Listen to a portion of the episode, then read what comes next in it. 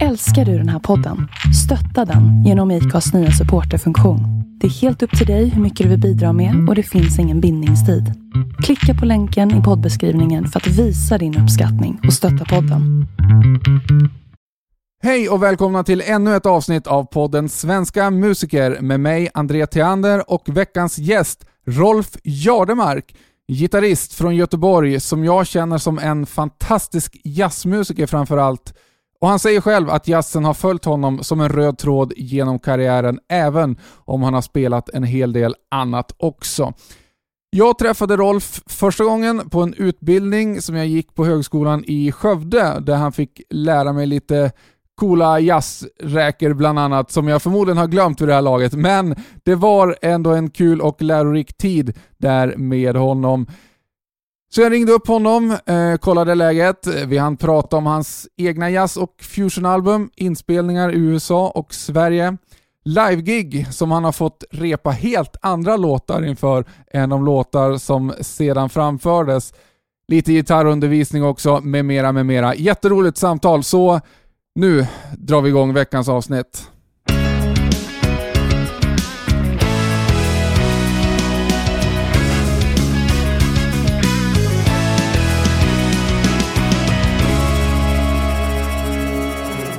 Välkommen till Svenska musikerpodden, Rolf Jardemark. Tack så mycket. Tack André. Hur är läget i Göteborg idag? Jo, men läget är, är, är ganska okej. Okay. Man bör, har väl börjat vänja sig vid det här tillståndet som råder i pandemin. Så att eh, det, det, är, det är lite långtråkigt generellt kan man väl säga. Och så är det för många musiker och många, många människor ja. överlag långtråkigt. ja. Va, vad gör du för någonting om dagarna? Ja, alltså nu i och med att allting, alla, alla gig och, och mycket undervisning, nästan all undervisning och så är inställd eh, och annat så, så eh, ja, jag övar en del och skriver, eller ganska mycket faktiskt och eh, skriver lite, försöker skriva lite låtar och spelar in också. Jag har ju som så många andra en, en liten en liten studio här hemma med, med de vanliga grejerna. Så att eh, mm. det är väl ungefär det. Och så, sen är det ut och promenera och få, få lite frisk luft och röra på sig också. Mm. ja, Okej, okay. så du skriver mycket, mycket nytt? Ja, kanske inte mycket nytt, men jag försöker att få ihop lite grann jag ska kunna spela in så småningom, har jag tänkt. Med, med mm. Inte bara här hemma, utan med riktiga, med riktiga musiker så småningom. Ja. Så det är väl tanken. Någon gång i höst kanske, vi får se. Men gjorde inte du någon platta ganska nyligen? Eh, jag gjorde en EP, eller vi gjorde en EP med min trio som kom för något år sedan. Uh -huh. eh, det är väl den senaste. Eh, sen har jag gjort lite sådana här, jag har gjort en release också på en platta som eh, gjordes i Los Angeles i, eh, bland annat, eller till stora delar i, eh, som kom ut 2010 men som eh, kom ut på ett skivbolag som sen gick i konkurs. Sen har det inte funnits på eh, ja, varken fysiskt eller, eller digitalt sen någon gång där. Så den har jag gett ut nu också då i, i som en återutgivning. Så det är väl det som har, har varit på den fronten senaste året. Coolt. Jag satt och, och kollade lite på din diskografi här. Ja. Du har ju gjort eh, en del. Ja, men det har blivit några stycken eh, egen, egna plattor. Det är absolut. En 10-11 stycken. Beror lite på hur man räknar. Det är en del samarbeten också med olika musiker och artister. Ja, den, var den första den som heter Soft Landing? Jajamensan. Soft Landing var först, 89. Ja. Eh, kolla på, eh, på det som står på din hemsida här. Ja, det. det är eh, med Per Lindvall på trummor. Jajamän. Som var van vid andra ställen att spela in på, står det. Ja, just det. Ja, ja, ja, ja. precis. och att ni fick in rysk radio i hörlurarna. Ja, ja, ja, är det sant det här? Eller är det... Ja, men det stämmer faktiskt. det. Vi var i en liten studio som låg uppe i Uddevalla som, eh, som också eh, gav ut den här skivan sen. Det var studio och skivbolag i ett. Och eh, studion var väl, eh, ja, var, den var väl okej, okay, men det var väl lite hemmabygge i vissa delar. Så att, det är klart, Per kom ner från Stockholm där. Det var lite annorlunda. Men eh, ja, så var Lasse Danielsson spelar bas och eh, David Wiszewski som tyvärr är borta, en väldigt fin saxofonist. Mm. Coolt. Och eh, Ja. Michael Ruff. Michael Ruff är med på några låtar. Eh, vi var även i Studio Bohus och spelade in då den i Kungälv. Ja. Vi spelade ju med, med Ruff där eh, under ett par säsonger, ett par turnéer. Så att, eh, och det är ju roligt för att eh, Michael är med på, också på den plattan från 2010 där och spelar keyboards. Är det den som heter Sunset in Guitarland? Jajamensan. Ja. Eh, Jag vet inte, det var, länge sedan jag var inne och tittade på min hemsida nu, men jag tror den är nog inte uppdaterad den där diskografin. Det, det, det har kommit några plattor efter det. Ja, men det är så när man jobbar hårt. Då har man ju inte tid att uppdatera hemsidan hela nej, tiden. nej, nej, nej. Eh, och där är även Per Lindvall med. Ja visst, Per är med på den också och eh, lite andra sköna trummisar. J.R. Robinson, John Robinson och, eh, eh, och Ralph Humphrey med också. Spelar trummor. Det var en rolig, en rolig resa. Jag kan berätta lite om det. Eh, det var så här att eh, det var en god vän som heter Peter Fristedt som är gitarrist och, och skriver låtar och producent. Han, han hade ju jobbat i Los Angeles och bott där också. Så att han tjatade på mig och så fick, eh, fick eh, han över mig dit. Så detta var 2006. Och eh, då spelade vi in, började vi spela in där och det, det var ju häftigt i, att komma till. Det var första gången jag var i, i eh, LA också. Komma till Hollywood, en studio i Hollywood och spela in då med Ralph Humphrey och Nils Stubben han spelar bas och Bill Cantos keyboard och sånt. Och sen fortsatte det där, så jag var där eh, tre gånger då under några år och, eh, och jobbade. Och så gjordes det en del här, här eh, hemma också då.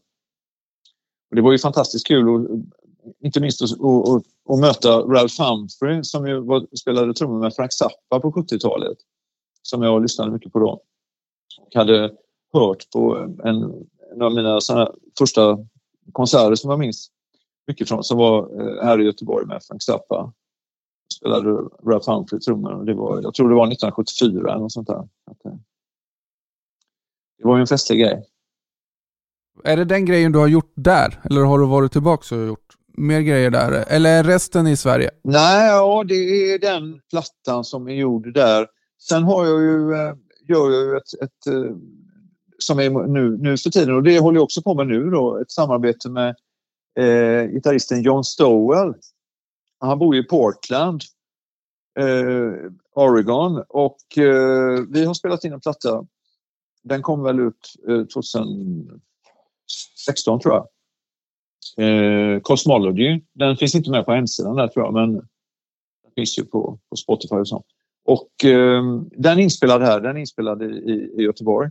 Men eh, vi håller på med ett, eh, ett litet samarbete nu eh, då jag spelar in här och så skickar jag ljud och bild till honom och så ska han göra sin del i Portland. Så att det är liksom kopplingen till amerikanska västkusten just nu då. Ja. När man inte kan åka dit. Nej, precis. Sen har jag varit i New York några gånger nu under 10-talet. Men jag har, jag har spelat lite grann men jag har inte spelat in någonting där. Men det får vi se. Man får komma till New York eller USA nästa gång. Mm. Det var länge sedan jag var där kan jag säga. Det Ja. måste vara eh, nästan tio år sedan. Ja. Ehm, Har, har du varit på västkusten också eller? ja, Ja. och det är ju trevligt. Ja, det är jätteroligt. Det är fantastiskt kul. Inte minst för musikens skull. Mycket annat också. Jag har bara varit, bara, men jag har varit i LA antal gånger och även i New York eh, och runt omkring där. Så jag har liksom inte sett det riktiga USA som de säger utan jag har bara varit på de här, de här metropolerna. Det skulle vara kul att göra en resa där någon gång. Över, över kontinenten. Ja, i alla små orter inne i landet. Ja, ja, precis. precis. Och stora. Ja, Men, men jag tror att vi var där samtidigt eh, någon gång.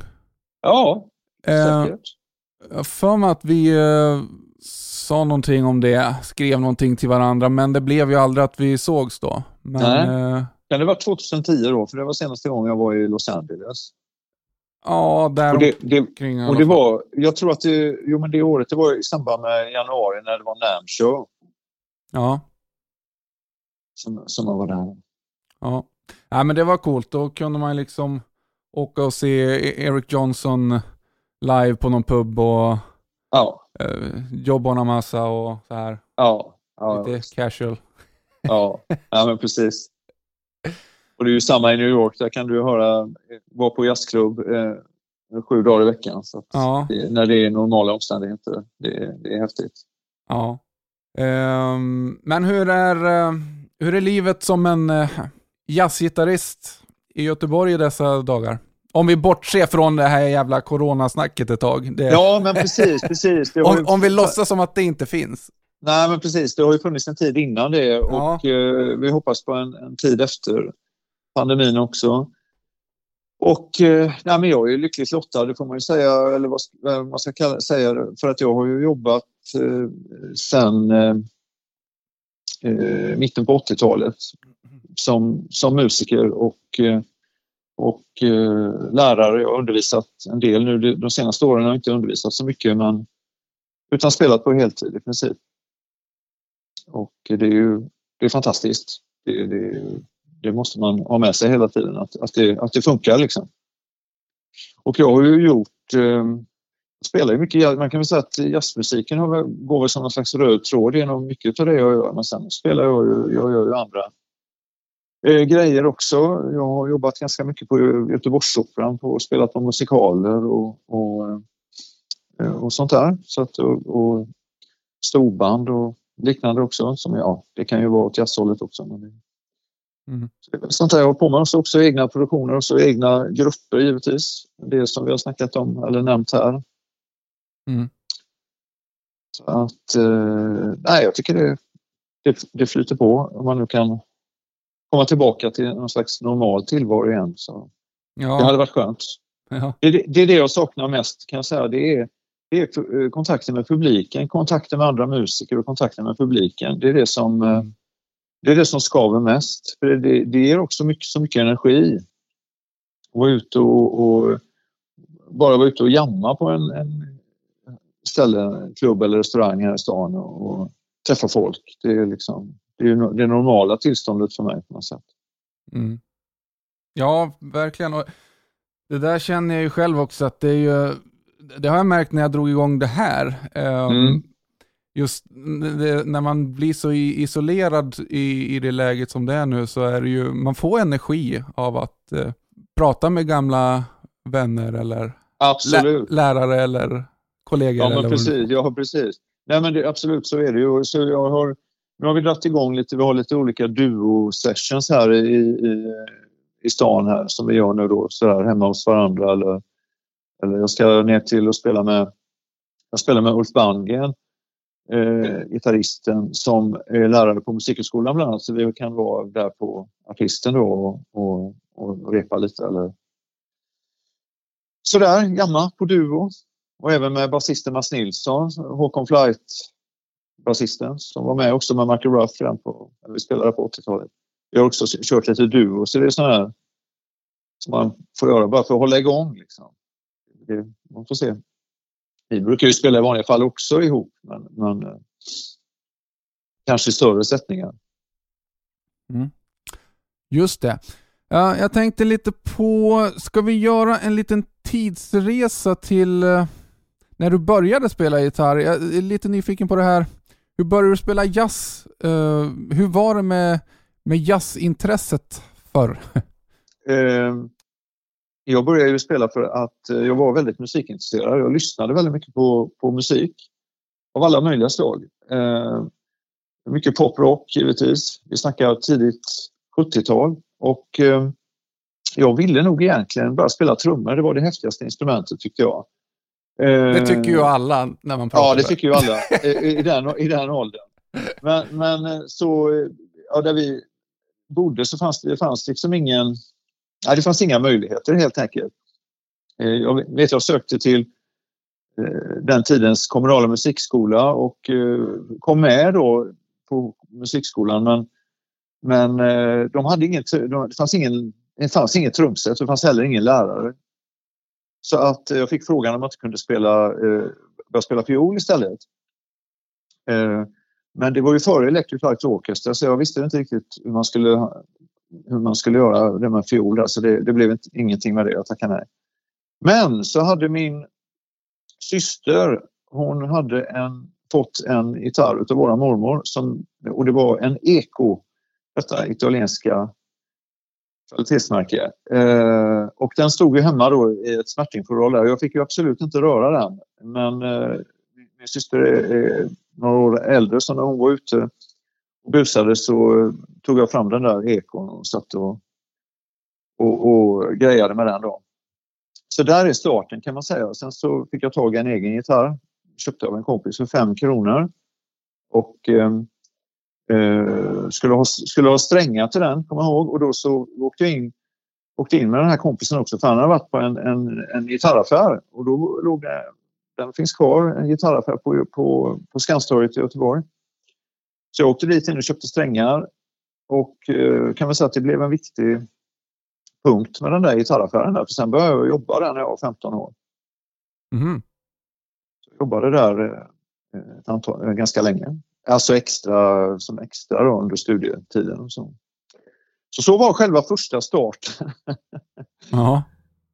och då var det mycket Nej, men det var ju, du vet, det var, det var så här, det var Creedence först och sen så var det väl Deep Purple och, och Led Zeppelin. Och så. Men sen så kom det här, frågan om jazzintresset. Jazzintresset var ju stort. Alltså det var, och det var ju fusion som gällde då, eller rockjazz som vi kallar för jazzrock. Men då är vi, är vi inne mitten på Mitt- 70 då? Mitten på 70, ja precis. Ja. Mitten på 70. Och eh, så via det här som jag nämnde med Frank Zappa så, så kom också... Jag att jag började lyssna på Chick Corea. Chick Corea gick ju bort precis nu och då var, var det eh, det här eh, eh, hans fusion-tid då. Eh, och det var ju väldigt häftigt. Och sen gick det, gick det över till, till mer, mer och mer jazz. Men, men det var inte så att, att jag var så biten av just av jazzmusiken just då utan det, det kom eh, händelser sen som eh, skyndade på det där. Och en, en viktig händelse var när jag, just när jag jobbade i den här gitarraffären för där jobbade också gitarristen Peter Almqvist Mm. som sen spelade med Ulf Akenius i Guitars Unlimited bland annat. Och han var några år äldre än mig så han var otroligt, en otroligt, eh, ja det var en stor influens och eh, som en mentor. Jag tog aldrig några lektioner men, men han visade ändå, när vi hade fem minuter över där i affären så skulle vi jamma på någon låt och så jag fick lära mig och så hem och öva och så tillbaks igen. Så det var en viktig, viktig del. Och också eh, gitarristen Ulf Akenius som man hörde då på spela på klubbar eh, redan då i eh, Göteborg. var ju också otroligt inspirerande. Mm. Då var det de som fick in dig på, på mer renodlad jazz då? Ja, det skulle man nog kunna säga. De var, de var, väldigt, eh, de var väldigt inne på det. Och eh, ja, det, det, det kan man nog säga att det var en, en del i det hela. Sen så eh, började jag på gymnasiet på helt fel program och hoppade av. och så sen nästa år så började jag på det som nu heter estetiskt program då. Eh, men som då var musiklinje. Mm. Och eh, den var på Hvitfeldtska då, precis som det finns där nu. Mm. Och det var också väldigt, väldigt viktigt för det var, det var som en öppna en dörr till en ny värld eh, för mig. När det gällde både jazzmusik men även klassisk musik och ja, mängder av olika stilar som jag inte hade var så bekant med. Och också rent socialt, så många av dem som jag träffade där och gick, eh, gick tillsammans med där, de har jag fortfarande kontakt med och spelar med ibland också. Och en var ju gitarristen Per Hovensjö.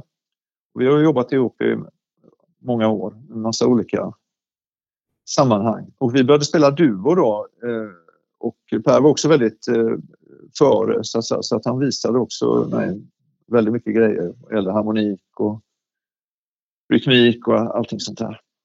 Mm. Så det var väldigt viktigt. Jag, jag kommer från den, jag är ju uppväxt under den tiden när det inte fanns några lärare på elgitarr Nej. eller improvisation eller rockmusik överhuvudtaget. Utan den undervisningen som fanns den var på klassisk musik. Ja. Så jag spelade ju klassisk gitarr också och det gjorde jag även på Musikhögskolan sen. Det fanns egentligen ingen lärare på elgitarr där heller. Nej. Så jag, jag, hade, jag kom in på elgitarr eller på afroamerikansk eh, inriktning där 1980. Men hade väldigt, väldigt lite undervisning på eh, elgitarr egentligen. Ja, men fanns, det fanns det i alla fall? Ja, det var ett av de första. Jag tror det var andra, andra året som de hade den uh, inriktningen på skolan. Men, uh, och det fanns väl lärare på saxofon och, och, piano men inte någon ja, elgitarrlärare eller gitarrlärare som, som höll på med det. Om man ska säga när det gäller jazz och, och elgitarr och så, så är jag ju, är jag ju liksom autodidakt eller mer eller mindre. Fast man har ju lärt sig för sina utav de man spelar med. Mm. Och det behöver inte bara vara gitarrister, det kan ju vara både basister, pianister, och trummisar, saxofonister, blåsare. Så, så var det. Det var en kort en sammanfattning fram till 85 och då gick jag ut från musikhögskolan. Så att, sen var jag jobbat. Första frågan som du hade där var ju om jazzintresset.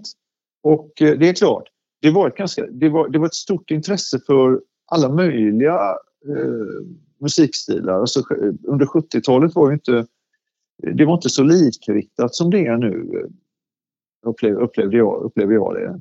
Eh, utan eh, de flesta lyssnade på, på allt möjligt och eh, det var många som liksom hade lyssnade på både Miles Davis och Keith Jarrett och Chick Corea, även om de inte var jazzdiggare egentligen. Men det var liksom häftig musik bara. Så det, är det lite smalare nu menar du? Bland vanligt folk? Du, på, ja, det tycker jag nog. Ja. Det, ja, det skulle jag nog kunna säga. Att det är lite sma, smalare rent allmänt. Men det är också bredare eftersom den globala... Eftersom man har kontakt globalt så hittar man ju sin... Så hittar man ju fans eh, och folk som gillar det som vi håller på med överallt. Så det, det, är ju en annan utveckling. Och det är ju samma inom många eh, lite mindre eh, musikgenrer då, som inte är, är mello eller, eller något liknande. Så att eh, det, det är både, både positivt och negativt. Men, men jag vet, vi kan prata om det, jag tror att det var så att det var Weather Report spelade här i Göteborg eh, slutet på 70-talet 70 och det var eh, 4 000, jag tror det var 4 000 i publiken. Eh, och det är svårt att få ihop på en jazzkonsert nu för tiden. Mm. Och det var ju efter deras platta med, med alltså Heavy Weather med låten Birdland då som var som en, nästan som en hit på den tiden. Men det är väl precis som du säger, alltså dagens teknik och allt det här, det öppnar ju upp för en jäkla massa nya grejer som man inte kunde göra då. Ja, men precis. Men eh, det, det är ju också intressant att höra att det i, i det här att det, det, blir någon slags, eh, jag vet inte, blir någon slags motreaktion i allting. Att, att uh, gemene man blir mer och mer begränsad i sin, uh, i hur de nyttjar kultur.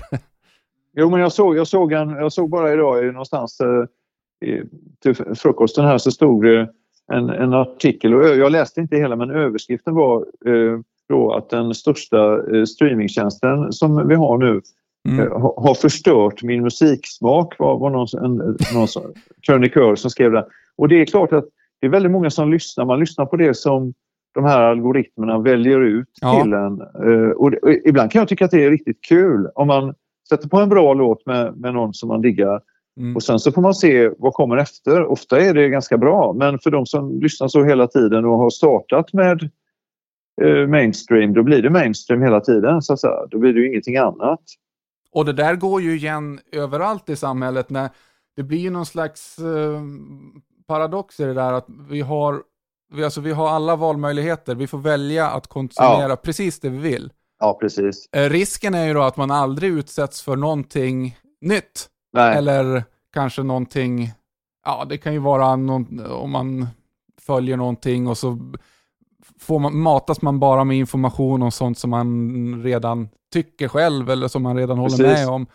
Um, det finns ju en risk i det. Ja, men absolut. Absolut. Och det är väl som så här att hela det här eh, informationssamhället och, och eh, internet det har ju liksom bara ramlat över oss eh, ganska så snabbt. Ja, utan det går att egentligen, Det är väldigt, väldigt få som har eh, någon form av eh, utbildning eller träning för att sortera i, i flödet. Det, det, är ju väldigt, väldigt få, som, knappt någon, som kan välja i hela detta enorma utbud. Och uh, det där märker jag också när jag, har, när jag undervisar att för det är nästan, det är ju, alla använder ju internet nu och, och framförallt Youtube är ju den kanalen som, som många använder och, och tittar då. Och, och mm. Jag får ju eh, allt, ofta kommentarer om det att ja men här, ja, men här gör de ju så och så. Och vad är detta? Och jag, nu har jag sökt i tre dagar efter det men hittar bara det. Och det här... Alltså, det finns ju 20 olika sätt att göra det här på. Vilket ska man välja? Ja, det är, det är väl det som är själva det svåra. Vad ska man, hur ska man, vad ska man välja ut liksom? all denna, allt detta flöde. Eh, rent gitarrspelsmässigt? Eller vad tänker du på? Ja, överhuvudtaget. Jag, jag ser det ju från den, från den sidan då mm. när det gäller till exempel musikteori eller, eller ja. gitarrteknik eller vad det nu kan vara. Mm. Men det gäller ju alla, allting egentligen. Att, att, eh, vad, ska man, vad ska man välja? Så det, ja.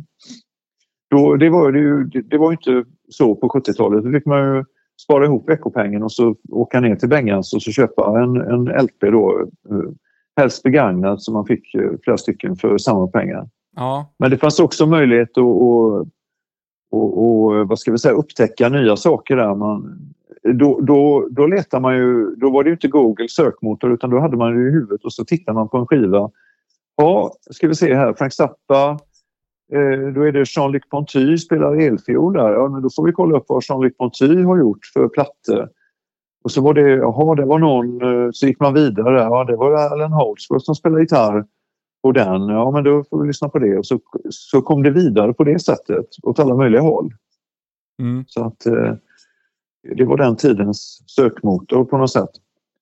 Och den där, den där känslan när man hade köpt en ny platta och var på väg hem och där, Eh, eh, förväntningarna när man skulle spela upp den på vinylspelaren när man kom hem och tar en kopp kaffe och så liksom. Det, det, den kan man ju... Den infinner sig inte riktigt lika ofta. Nej, det är... Faktiskt. Det är, en rent, det blir en rent fysisk upplevelse också. Ja, jag, jag känner igen det där. Det var ju 90-tal eh, för mig då när jag var liten och, och växte upp i det där. Det var ju CD-skivor. Men det var ju ändå mer likt än hur ja, det är nu. Ja, oh ja. ja. Absolut. Absolut. Det var samma sak. Då. Ja. Um, visst. Ja, men jag vet inte hur mycket vi ska sitta och romantisera den nej, tid som nej, har flytt. Men jag, jag har lätt för att göra det. Ehm, ja. Jag kommer på mig själv. ja, visst. Men man vill inte vara bakåtsträvare heller. Nej, nej. Sen var det mycket, spelade vi ju mycket fusion. Det var ju fusion under 80-talet. Så det var ju den, den stilen som gällde. Så då spelade jag ju inte så mycket, om vi, om vi säger mer eh, jazz av den typen som man kanske har gjort sen som är mer bygger på ja, att det finns ett, en harmonisk rytm. Att det är alltså kanske som man säger, det är ganska mycket harmoniskt eh, komplext. Mm. Och det väl var det också, men det var ganska modalt att man, man höll sig till en viss till en viss modalitet och spelade över det. Mm. Och det, om jag hör inspelningar från den tiden, vilket jag kanske helst inte gör då på mig själv och, och när vi spelar, så är det enormt långa gitarrsolon. Alltså det, det, mm. det, tar aldrig slut. Det, jag kan inte förstå det. Men sen eh, blev det väl... Sen fick jag fick vi barn eh, runt 90 där och då hade jag väl lite tankar på att jag skulle kanske bara jobba på något lite annat sätt. Eh, av olika anledningar så hamnade jag lite mer, eh, jag vet inte vad man ska kalla det för, modern jazz kanske. Och det var väl också ett litet avslut på den här fusion-tiden. Det var, det var lite svårare sen på 90-talet där. Framförallt i Sverige och Norden. Det, ble, det var liksom inte så, det var inte så hippt här längre. Det, jag tror det var lite, mer, lite lättare ute i, i, i världen, i Europa och så där. Så gjorde jag en platta 93 med, med Lars Danielsson bas och Anders Kjellberg trummor. Som jag verkligen gjorde för att jag... Det här gör jag verkligen för att jag tycker att det är riktigt kul att göra en, en trioplatta då. För jag har alltid eh, gillat det. Jag, en av mina stora influenser tidigt var ju Pat Metheny som kom med sin första platta Bright Size Life 1975 med Jacob Stories och Bob Moses. Och det var väl liksom... Så jag ville väl göra en, en sån. Och det, då visade det sig att då blev det liksom en ny nytändning efter den plattan på något sätt. Eller nytändning, men det blev en annan... Eh, det började skrivas, jag vet det skrevs recensioner och så här om att eh, det var min första platta. Men det var egentligen den tredje. Och det berodde på att de som recenserade då, som recenserade jazz, de tyckte inte att de två första plattorna var värda att nämna. Eftersom det var fusion med. Ah, okay. Det var ju väldigt konstigt men, men, eh, men sen har det, så sen har det där fortsatt. Mm. Och, eh, så det är väl inte så ofta jag slår på disten nu för tiden, även om det händer. ja. inget, inget är omöjligt. Nej, precis. Det där minns jag från någon lektion vi hade när du tyckte att det var jättemycket dist och jag tyckte att det var i princip ett cleant sound. ja, precis. Så olika kan du ser redan, redan då. Men eh, när du gick musikhögskolan förresten, har du någon eh, lärarutbildning? Ja, men det har jag. Ja. Det var ju ett, ett lärar... Det var i, i alltså instrumental eh, ensemble. Det märkte du när vi hade lektioner. Nej, jag ja. Men jag gick på det som hette eh, eh, alltså, instrumental ensembleledning, eller ja. IE hette det ju då. Och eh, det var ett pedagogprogram då. Så att, eh, det var absolut, det var en del sånt mm. också. Men efter, eftersom det inte var någon Eftersom improvisationsundervisningen eh, och, och, och gitarr, elgitarrundervisningen inte var så utvecklad så eh, blev det inte så mycket pedagogiskt heller så att säga när det gällde, när det gällde den delen utan pedagogiken var mest på den klassiska sidan. Eh, men vi hade ju en del, eh, det fanns ju saxofonisten Gunnar Lindgren hade ju utbildningen där och var ju en karaktär så att det, det var ju väldigt var ju härlig, härliga lektioner. Sen kom det en eh, pianist som eh, började jobba på skolan eh, som har varit där, som heter Peter Burman. Och han, vi spelade en del ihop också. Han var väldigt eh, före, alltså ja han hade väldigt mycket idéer om hur man skulle kunna utveckla arrangering och improvisation och så. Och han var gitarrist från början så han, han kunde visa mycket av den här pianogrejen också väldigt enkelt på, på, på gitarr, liksom, hur, det, hur man kunde göra. Så det, var, det var väldigt nyttigt. Jag, jag undervisade sen på Musikhögskolan i, här i Göteborg på 90-talet. Fem, sex år. Och så har jag, varit, har jag också undervisat på estetiskt program. Uh, nu det sista har jag varit på Ljungskile folkhögskola. Men jag har, nu har jag ingenting så som det är nu. Nu har jag lite Zoom-elever. Ja. Eh, det funkar bra. Det funkar ganska bra faktiskt att ha det. det... Mm. Ja, men det har jag också haft. Eh, mm. Innan corona faktiskt. Kanske du också hade? Ja, inte så mycket. Nej, det började nu. Ja, okay. en, en liten sak som jag tänkte på innan här, just när det gäller undervisning eller, eller gitarrister, så är det, är det ju som så att som gitarrist så övar man ju ofta väldigt mycket på att spela solon. Alltså man ska bli en häftig, eh, en häftig solist. Kan man spela något annat på gitarr menar du? Nej, exakt. Ja, precis. Där har du kommentaren. Bästa kommentaren. Eh, och det är väl en grej som jag eh, lärde mig, eller förstod där eh, erfarenhetsmässigt i början när jag började jobba. Att, eh, visst, det, det är ju det som är, det är ju det är väldigt eh, inspirerande och eh, att eh, hålla på med improvisation och, spela solon. Men ofta övar man kanske 95% solospel och 5% komp. Mm. Men verkligheten är ungefär tvärtom. Du kompar 95 och sen är det 5% gitarrsolo. Ja.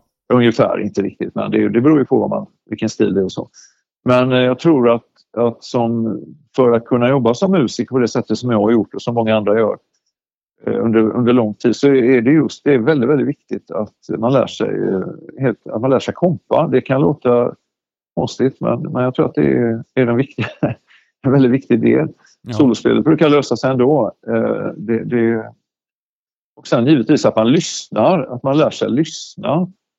Det, det är också en grej som jag tycker är eftersatt i, i eh, faktiskt i utbildning och även i en del utbildning även nu när det gäller, ja, kanske inte improvisationsutbildningen men, men eh, som på estetiskt program och så, det är väldigt eh, ganska så teoretiskt upplagt fortfarande. Och det, teori är jättebra, men man måste också lära sig lyssna. När man kan få till en kombination av det där med lyssnandet och teorin, då, då, då händer det någonting. Man kan förstå, man förstår vad man hör. Så att säga. Då, eh, ja. Men lyssnandet är väl en stor del av uh, gehörs och musiklära? Ja, uh. fast i många fall, i alla fall så som det varit tidigare, när jag har, har eh, undersökt vad, vad, vad, som händer i, i på dem, så, så, lyssnas det lite grann efter fel, på fel grejer. Så att. Man, man lär sig till exempel ofta att, uh, nu pratar vi gymnasienivå då, ofta, mm. alltså, alltså estetiskt program. Man lär sig eh, kanske sjunga intervaller, man lär sig så lär man sig skriva fyrstämmig sats och så vidare och så fortfarande hålla på med det istället för att kanske lära sig eh, stegteori och, och höra alltså vad, vad, vilken typ av harmonier som en, en låt består av eller ett musikstycke mm. eh, innehåller. Så att eh, det, det, det är en grej som jag, som jag ser som väldigt viktig i både ja, som musiker helt enkelt. Det borde alla få lära sig. Ja. Att höra när det är ett dominantackord eller subdominant och så vidare. Och så vidare. Tonika. Det, det är liksom. Sen vad man har för namn på det spelar inte så stor roll, eller vad det är teori. Men eh, det borde de ha i, i grundskolan. alla skulle få lära sig det på lågstadiet. Ja, men lite så. Men jag har stött på lite problem när jag själv lär ut sådana där grejer. Det finns ju en viss skepsis mot en massa konstiga ord. Ja, det gör det. Absolut. Eh, men för min del var det, jag visste ju till exempel vad en dominant var innan jag fick veta att det hette dominant. Ja. Och då, då tyckte jag att det var lite konstigt. Jaha, ska man hålla på med massa ord på det här? Ja, men precis. Men det gjorde ju också att det räckte med att min eh, första gitarrlärare var det som sa att eh, det här är en dominant, det är till exempel ett A-ackord i D-tonart. Eh, ja, okej. Och eh, sen så småningom så märkte jag väl att det var ganska värdefull kunskap det där, men jag tänker vad själv eh, jag själv har haft elever sådär att eh, ibland går det ju inte riktigt så smidigt utan jag kan uppleva ett visst eh, motstånd ibland. Ja men så är det absolut. Och jag har experimenterat med det där lite grann med, med eller inte experimenterat, men jag har provat lite olika vägar när det gäller undervisning. Och då har jag försökt att få, Eh, precis som för dig där, att eh, utgå från först hur det låter. Alltså att man försöker hitta, eh, och jag menar, jag har haft mycket, jag har nu det senaste har jag haft ganska mycket vuxna elever, eller det har jag väl alltid haft egentligen, men som har spelat ett tag. Och jag menar alla kan, alla kan ju spela en 12 en, en blues. Liksom. Och jag menar, då vet man när det här när kommer dominantackordet. Men sen vad man kallar det för, det spelar ju inte så stor roll alls. Det, det, jag har ett bra exempel från min eh, svärfar som är en fantastisk dragspelare. Mm. Som inte vet vilken tonart han spelar i eller vad tonerna heter på dragspelet. Han kan hur många låtar som helst och är grym. Mm. Uh, och uh, jag märkte i början när vi spelade ihop, han kunde inte förklara någonting för mig så jag tränade Micke har otroligt mycket. Och han, eh, kan, han kan säga så här. Moll, vi spelar en låt som går, vi säger att det är en låt som går i C-dur. Och så säger han moll. Ja, då menar han i de allra flesta fall att det är D-moll. Det är hans namn på, på eh, andra, andra ackordet liksom. Mm. Subdominant parallell, det är moll. Ja. Och så säger han sjua. Ja, då är det dominantackordet. Så sjua, för då är det ju G7 liksom, i de flesta fall. Ja, okej. Okay, ja, okay. Så det var, den, det, var den, det var det språket han hade med, med sina kompisar. När han, de visste inte vad det hette utan de hittade på. De hade lite egna ord. Ja. Fantastiskt. Det är ganska roligt. Ja. Men det handlar ju om precis det du säger, att man utgår ifrån hur det låter. Ja, precis. Det tror jag också. Att det måste man ju liksom ha med från början för att bara tjata en massa namn utan att det finns någon anknytning till det. det... Nej, det ger, det ger ingenting. Och jag fick, jag fick själv en sån där... Eh, upplevelse när jag, när jag fick ihop detta. Då hade jag spelat ganska länge. Det Mm. var nog när jag gick på Musikhögskolan som, som jag fick det förklarat. Eller, eller den här sista pusselbiten när de var. Och då, då blev det liksom en slags synergieffekt utav det här så att summan blev större än, än delarna Ja. utav teorin ihop med den gehörsmässiga delen. Det var väldigt, väldigt viktigt. Det är klart att det är en del och framförallt man spelar eh, man spelar jazzmusik eller musik åt det hållet men även i andra stilar är det ju progressiv eh, rock och metal och så. Det finns ju också liksom mycket eh, där. ja. Eller vad säger du? det finns en del att, att lära sig. Men Ja. eh, varför tror du att, att folk är lite skeptiska mot eh, musikteori? Om det nu är så. Men det tyckte jag, vi, det var vi lite överens om att det, det kan man uppleva. Ja, så är det inte i allmänhet. Nej, men det, det finns väl, det finns väl, eh, nej, men det finns väl den där gamla eh, också finns ju den där, den hörde jag ju redan när jag började spela. Ja, men, eh, om du kan läsa noter, ja, men då, tappar du, då kan du inte spela blues, för då tappar du feelingen. Mm. Alltså det, det, och det är egentligen är väl det någon slags motsättning mellan, mellan eh, om vi säger afroamerikansk musik eller poprock och klassisk musik. Att, att, eh, så det är nog mer där som det, det finns liksom en sån liksom, gammal eh, grej där mellan, mellan olika musikstilar. Och det, det ligger nog till grund för det där. Att, att, eh, och så, så finns det väl också en slags romantisering av att, att, eh, att man, eh, om man kan musikteori så, så är man inte, har man inte samma känsla. Liksom. Och det, det, men det är ju, det, ja, jag tycker ju inte det. Utan det Det är lite konstigt att man, om man, att lära sig mer om någonting tar bort ja. känslan för det. Jag menar, jag sitter ju inte och tänker, om jag, om jag lirar på en, någonstans, så sitter inte jag och tänker vad det är, vad det är, vad det är för ton, tonmaterial eller vad det är för sådär. Utan det blir ju mer, det är ju en känsla.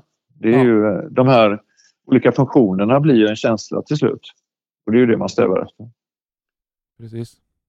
När det gäller eh, just eh, improvisationsdelen så har, har jag nog lärt mig mycket genom att eh, lyssna på vad andra håller på med givetvis. Eh, klankat en, en del eh, men jag försöker väl alltid att försöka göra någonting eget utav det. Det är också en viktig del att man försöker eh, och det kan vara, behöver inte vara från olika gitarrister eller andra gitarrister. Det kan vara från piano eller saxofon eller trummor eller något annat som man eh, lyssnar in. Och där har jag alltid haft en, en idé om att jag försöker hitta de små fraser eller små fragment som jag, som jag verkligen gillar eller verkligen tycker är spännande. Jag kanske bara plankar det då. Jag kanske inte plankar ett helt solo på tio chorus utan och så sen eh, försöker man omsätta det och öva det på olika sätt. Och är det någon, någon ny grej som man hittar då så det, kan ju det vara väldigt eh, fruktbart för ens eget musicerande. Jag tycker det är en bra grej som man ska jobba på. Kan man eh, boka eh, en eh, Zoom-lektion med dig? Ja, men det kan man absolut. Hur gör man då? Jag har lagt ut på Facebook. Det finns en eh, kontakt där. Mm. Eller man kan mejla. Mejlen står ju på min hemsida så att det kan mejla till mig. Och då är det rolfjardemark.com, eller? Eh, Rolf at rolfjardemark.com är väl den adressen som står där. Ja. Ja. Coolt. ja. Jag sl- slänger in det här i, under i poddbeskrivningen så kommer du få jättemånga mejl. Ja, men det är jättebra. Jag, jag har inte så många nu så att jag kan under våren i alla fall kan jag de- definitivt Ja. fylla på. Ja, vad säger du? Ska vi prata om något mer här idag eller eh, ska vi, ska vi spara lite till eh, nästa gång vi hörs? Till två. Ja, Ja, precis. Ja, det finns ju hela den här eh, också, eh, vad ska vi säga, utvecklingen efter 1985 där, eller efter första plattan liksom och framåt. Det, det är ju, finns ju jättemycket att berätta. Både roliga stories och olika musiker som, eh, som har, har stött på. Det har ju varit... Eh, jag fick ju chansen efter den plattan jag berättade om där, Guitarland, eh, så fick jag ju också chansen att spela med många äldre musiker som är, många av dem är ju tyvärr borta nu. Just i, i bland till stora delen svenska eh, jazzmusiker då, som gitarristen Rune Gustafsson och eh, trumslagaren Isbert Lander, Burt Bale, bland annat. Trumpetaren Jan Allan, han är fortfarande aktiv. Och så vidare och så vidare. Saxofonister som har spelat mycket med också, Erik Nordström som gick bort för några år sedan. Men han, också en stor inspirationskälla. Så det, det, var också en viktig, en viktig del i det här, den röda tråden. Ja, verkligen. Alltså, det är klart, om du har några roliga stories eller sådär, får du, du får gärna dra det. Ja, ja det, finns, det, finns mycket, det finns mycket André. Men jag, jag kom på en ja. som också kan vara eh, lite lärorik. Så här. Jag, vet, jag pratar om dem nu, de här äldre musikerna som jag spelade med, fick, eller började spela med på 90-talet. Och, och en, en, av de första grejerna som man gjorde med det gänget det var med eh, saxofonisten Erik Nordström och trumslagaren eh, Dalander bland annat. Och vi skulle spela på, eh, i Lerum här utanför Göteborg. De hade jazzfestival varje år. Då. Ganska stor grej med mycket internationella gäster. Och, så, och vi skulle spela där. Så att, eh, jag hade spelat lite grann med de här innan men inte så mycket. Men vi åkte ut i alla fall. Jag åkte dit och så skulle vi repetera innan ungefär. Det var så en timme innan, eh, innan gigget. Och då hade Erik Nordström var väldigt fin, skrev både fina låtar och hade också fina arrangemang. Så han hade med sig arrangemang på en 7, 8, 10 låtar där som vi, vi eh, tittade igenom och, och repade lite teman och sådär. Och det var ju lugnt. Och så var det rätt in på scenen i princip efter det. Eh, och vi skulle börja. Då visade det sig att eh, eh det var ju trumslagaren då, Nils Bertil Dalander, som egentligen var, var eh, huvudnamnet på, på affischen och som också hade bokat giget och så som var. Så när vi skulle räkna in första låten så, eh, så hör man bakifrån eh, trum, trumstolen Okej, okay, take the A-train. One, two, one, two, three, four. Och så räknar han in och så kör vi igång Take the A-train. Och den hade vi inte repat. Nu var ju det en låt som alla kunde i och för sig. Men sen visade det sig att under den här konserten som var bortåt en timme eller en timme lång så spelade vi inte en enda låt av de vi hade repat på. Utan det var bara på, på uppstuds då det som eh, Bert Dalander då fick feeling för och så, så, eh, så blev det så. Så det är klart att och då är det bra att man har tränat det där som jag pratade om innan, att med gehöret, att man liksom kan hänga på. Nu var det en bra pianist med på giget så att då, då, och bra basist. Så då, då, eh, då är det lättare. Då får man liksom, som gitarrist får man så att säga, mörka lite i början och så se till att man inte tar första solovändan. Utan eh, så har man chansen att lyssna in då vad, vad som händer. Så det, det, men det var lärorikt, minns jag, från den tiden. Men ja, vad, vad, vad, hade han för förklaring för att ni hade repat på det ni hade gjort då? Finns ingen, fanns, fick ingen förklaring. Det finns aldrig någon. den, den generationen musiker, du kunde sällan fråga dem någonting när det gällde musik. Du kunde fråga om allt möjligt annat, vilka de hade spelat med eller vad de... Alltså, så här, men, men eh, förklara, förklara musik, det musikaliska skeendet, det var de inte så, så bra på. Utan det var bara att hänga på. Så att repa helt andra låtar än vad ni faktiskt skulle spela, det var inget, det var inget konstigt för, för dem? Nej, det var inte så konstigt för dem. Eh, vi kanske spelade de låtarna senare, några år senare. Någon av dem, ja. kommer jag inte ihåg. gjorde vi säkert. Ja. Nej, men just de här mötena är väl det som har varit väldigt viktigt. Just möten med, med, den generationen och varit fantastiskt. Och man hoppas ju att man kan ta med sig det. Nu spelar jag ju nästan, eller med jämnåriga och också med, med mycket yngre musiker. Jag har min trio med eh, fantastiska basisten Olle Rantal och en grym trummis som heter Adam, Adam Ross. Så att, eh, nu har inte vi spelat på ett år men jag hoppas att vi snart ska, snart ska kunna komma igång igen. Så att det blir den det, det, det som man får se fram emot här. Ja. Så är det. Vi ska ta och avrunda det här för idag.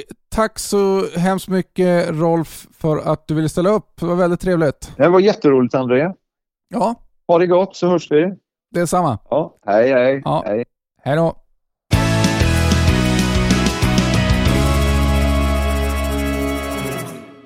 Tack så mycket till dig som har lyssnat också. Gå gärna in och ge ett litet betyg på den här podden. Det är till stor hjälp för att fler ska kunna hitta hit. Kolla in länken i avsnittsbeskrivningen för att boka en lektion med Rolf eller kolla in all härlig jazzmusik som han har gjort. Länkar för att följa eller kontakta mig finns där med. Jag finns på Instagram till exempel under mitt namn André Theander. Eh, André med två E och Theander med TH i början. andretheander.com är en annan möjlighet. Vi hörs i nästa avsnitt. Tack och hej!